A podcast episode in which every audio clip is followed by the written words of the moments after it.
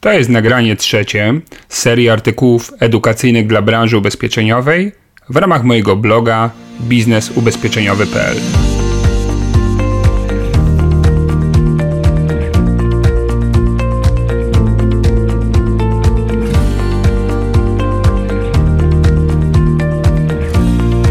Celem moich artykułów jest wsparcie Twojego rozwoju zawodowego i pomoc w zwiększeniu dochodów w ramach sprzedaży lub zarządzania sprzedażą ubezpieczeń. Dziś zajmę się tematem zarządzania zespołem sprzedaży. Jeśli jesteś osobą, która ma swój zespół, z pewnością często stajesz przed dylematem, co jest dla mnie ważniejsze: motywowanie istniejących członków zespołu, czy skupienie się na rekrutacji i ciągłe poszukiwanie nowych kandydatów. Tym nagraniu opowiem Ci o moich doświadczeniach związanych z próbą uruchamiania lub zwiększania sprzedaży u doświadczonych agentów, którzy już bardziej zajmują się obsługą i siedzeniem w biurze, oraz odpowiem na pytanie, jak podzielić swój czas pomiędzy zarządzanie i rekrutację.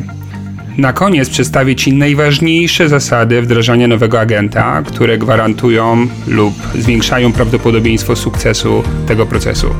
Zapraszam do wysłuchania nagrania.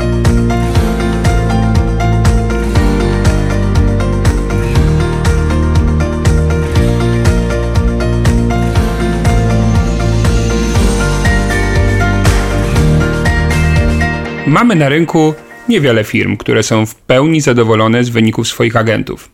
Prawie każdy zarządzający widzi niewykorzystany potencjał swoich ludzi. Większość osób odpowiedzialnych za sieć sprzedaży łamie sobie głowę pytaniem: co zrobić, żeby agenci sprzedawali jeszcze więcej swoim stałym klientom, lub jak zmotywować ich do poszukiwania nowych? Oczywiście, pierwsza myśl to uzależnić wynagrodzenie od proaktywności agenta. Jeśli będzie obsługiwał tylko stałych klientów, to dostanie po kieszeni. Faktycznie ryzyko obniżenia wynagrodzenia może wpłynąć na motywację wewnętrzną części agentów. Jednak taka metoda powoduje również niechęć agentów do firmy i rodzi dużo negatywnej energii. Idąc myślą w kierunku zachęcania i inspirowania do rozwoju, zaproponowałem w pewnym miejscu następujący projekt. Zebraliśmy w jednym z oddziałów 15 osób, które miały wieloletni staż w sprzedaży ubezpieczeń i swoje portfele klientów. Spotkałem się z tą grupą agentów i zaproponowałem im pomoc w zwiększeniu dochodów poprzez sprzedaż ubezpieczeń nowym klientom. Każdy uczestnik spotkania zadeklarował taką potrzebę. Pierwszy dzień poświęciliśmy tematowi poleceń. Uczestnicy opanowali pewną metodę pobierania poleceń od swoich klientów przez telefon. Warsztaty zakończyliśmy sesją telefoniczną na żywo. Przez półtorej godziny grupa zebrała 520 poleceń, czyli ponad 30 poleceń na osobę. Skuteczność w zakresie zgód klientów na pomoc wyniosła około 90%. Agenci byli zadowoleni, choć dosyć zmęczeni, ponieważ każdy z nich rozmawiał nie więcej niż siedmioma osobami. Ustaliliśmy grafik pięciu sesji telefonicznych w kolejnych dniach, na których zadzwonią tą metodą do kolejnych klientów. Po tych sesjach pojawiłem się na drugim spotkaniu z grupą i policzyłem ich wyniki. Łącznie zebrali 2570 poleceń. Przekazałem grupie wiedzę dotyczącą skutecznego kontaktu telefonicznego z osobą poleconą i po krótkim treningu przeprowadziłem sesję telefoniczną. Grupa omówiła 54 spotkania z nowym poleconym klientem. Ustaliliśmy kolejne 5 sesji, na których będą omawiali spotkania, obdzwaniając kolejne polecenia. Kiedy przyjechałem na trzecie spotkanie, okazało się, że umówili 196 spotkań. W porównaniu z wcześniejszą aktywnością grupy, był to ogromny krok do przodu. Po treningu technik prowadzenia i finalizacji spotkania zostawiłem grupę razem z dyrektorem i menadżerami silnie rozpędzoną. Pewnie jesteście ciekawi, co wydarzyło się dalej. Po pół roku spotkałem się z dyrektorem tego oddziału i okazało się, że w kolejnym miesiącu po szkoleniu oddział zajął pierwsze miejsce w Polsce. Zachęcony tą informacją, spytałem o kolejne miesiące. Otóż po tym wystrzale sprzedażowym ludzie nie obdzwonili reszty klientów i nie pobrali sumiennie poleceń na spotkaniach handlowych. Listy im się wyczerpały i wrócili do tego samego poziomu sprzedaży, który mieli przed moim projektem. Co więcej, dyrektor i menadżerowie nie potrafili uruchomić drugi raz motywacji sprzedawców, mimo tego, że nie wykorzystali oni całego swojego potencjału. Powtarzałem ten model rozruchu starych agentów wielokrotnie i ten sam efekt pojawiał się w większości miejsc. Nie pomagało nawet to, że uczestnikom zwiększyły się dochody w czasie trwania projektu. Najlepszy i długotrwały efekt mieli agenci z krótkim stażem i jeszcze silną potrzebą zarabiania poprzez nową sprzedaż. Jakie wnioski możemy wyciągnąć z tej historii? Myślę, że próby uruchomienia agentów, którzy odzwyczaili się sprzedawać, a polubili obsługiwanie klientów, są w większości przypadków skazane na niepowodzenie albo tylko chwilowy efekt. Problemem jest często też to, że ci agenci mają swojego menadżera, który również od wielu lat pełni swoją funkcję. Widziałem sytuacje, w których połączenie młodego menadżera ze starymi agentami dawało efekt obudzenia oczywiście tych starych agentów, wynikający z energii, którą menadżer obdarowywał członków zespołu. Taki układ nie zawsze jednak musi dać pozytywne rezultaty. Jest jednak pewną alternatywą w stosunku do skostniałych układów i relacji panujących w sieciach sprzedaży. Oczywiście wśród starych agentów, którzy brali udział w moich projektach, były rodzynki, które budziły się do życia na dłużej niż miesiąc czy dwa. Nie była to jednak liczba, która w istotny sposób wpływała na wynik ogólny. Czy w takim razie działania rewitalizujące mają sens i mogą być rentowne? Czy może firmy powinny skupiać się tylko na rekrutacji i wdrażaniu nowych agentów? Ja postawiłbym na rekrutację i wdrażanie w 80%, a 20% zaangażowania poświęciłbym na starych agentów, a przede wszystkim wśród nich na tych, którzy jeszcze chcą się rozwijać.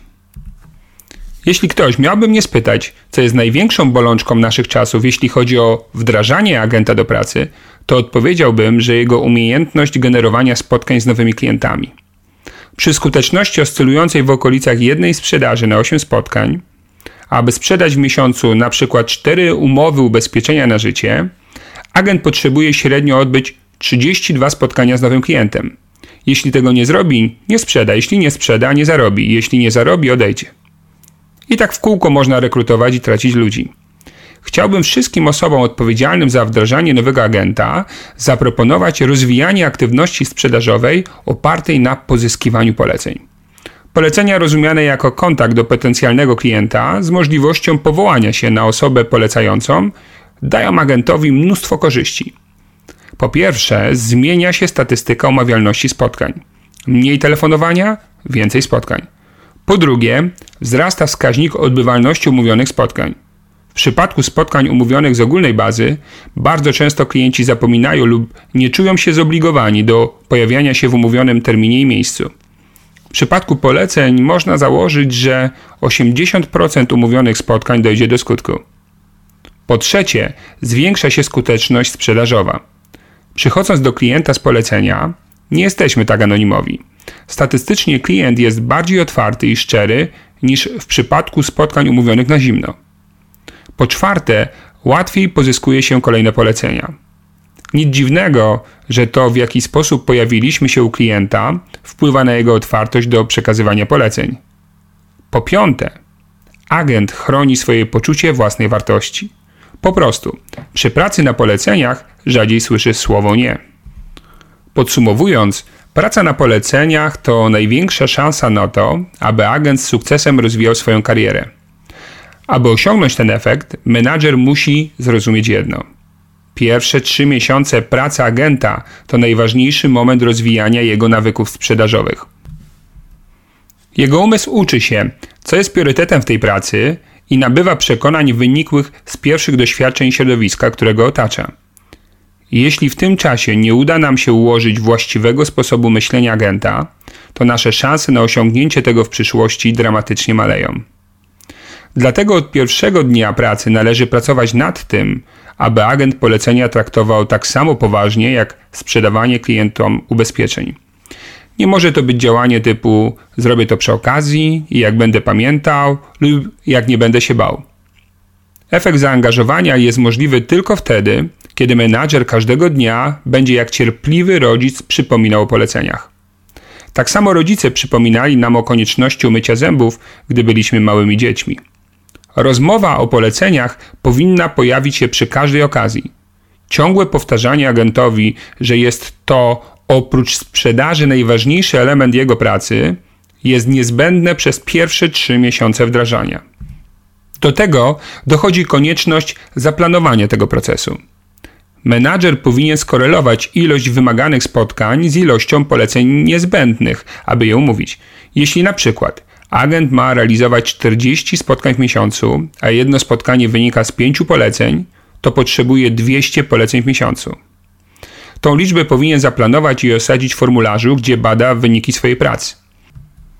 Najlepiej, gdyby wpisywanie liczby pozyskanych poleceń odejmowało się od celu miesięcznego. Chodzi o to, aby agent miał cały czas świadomość, na jakim etapie realizacji swojego celu jest obecnie i ile jeszcze mu brakuje do jego osiągnięcia. Menadżer uniknie wtedy sytuacji, kiedy po szybkich początkowych sukcesach spada motywacja do walki o dalsze polecenia. Należy również stworzyć środowisko sprzyjające koncentracji na poleceniach. Podczas spotkań zespołu, oprócz wyników sprzedażowych, można również pokazywać wyniki w pozyskiwaniu poleceń. Najlepsze osoby w zespole lub oddziale powinny opowiadać pozostałym agentom, jak pozyskują polecenia. Warto również nagradzać najlepszych, tworzyć okresowe konkursy, no i tak dalej. Pamiętajmy, że nowy agent jest jak dziecko. To od menadżera i innych agentów uczy się, co jest tej najważniejsze i jak ma działać. Jeśli tak jak w patologicznej rodzinie będzie każdego dnia słyszał, że się nie da, że to wina innych, a pomoc powinna firma, to nic dziwnego, że tak szybko przejdzie fazę rozczarowania i zrezygnuje ze współpracy. Przemyśl informacje, które Ci przekazałem, spójrz na obecny styl zarządzania swoim zespołem, zastanów się, ile czasu poświęcasz na nieudane próby motywowania swoich członków zespołu, a ile czasu na rekrutację i wdrażanie nowych agentów. Wyciągnij wnioski, podejmij decyzje, dokonaj zmiany i ciesz się jeszcze lepszymi wynikami niż osiągasz obecnie. Życzę wielu sukcesów, trzymam kciuki i do następnego nagrania.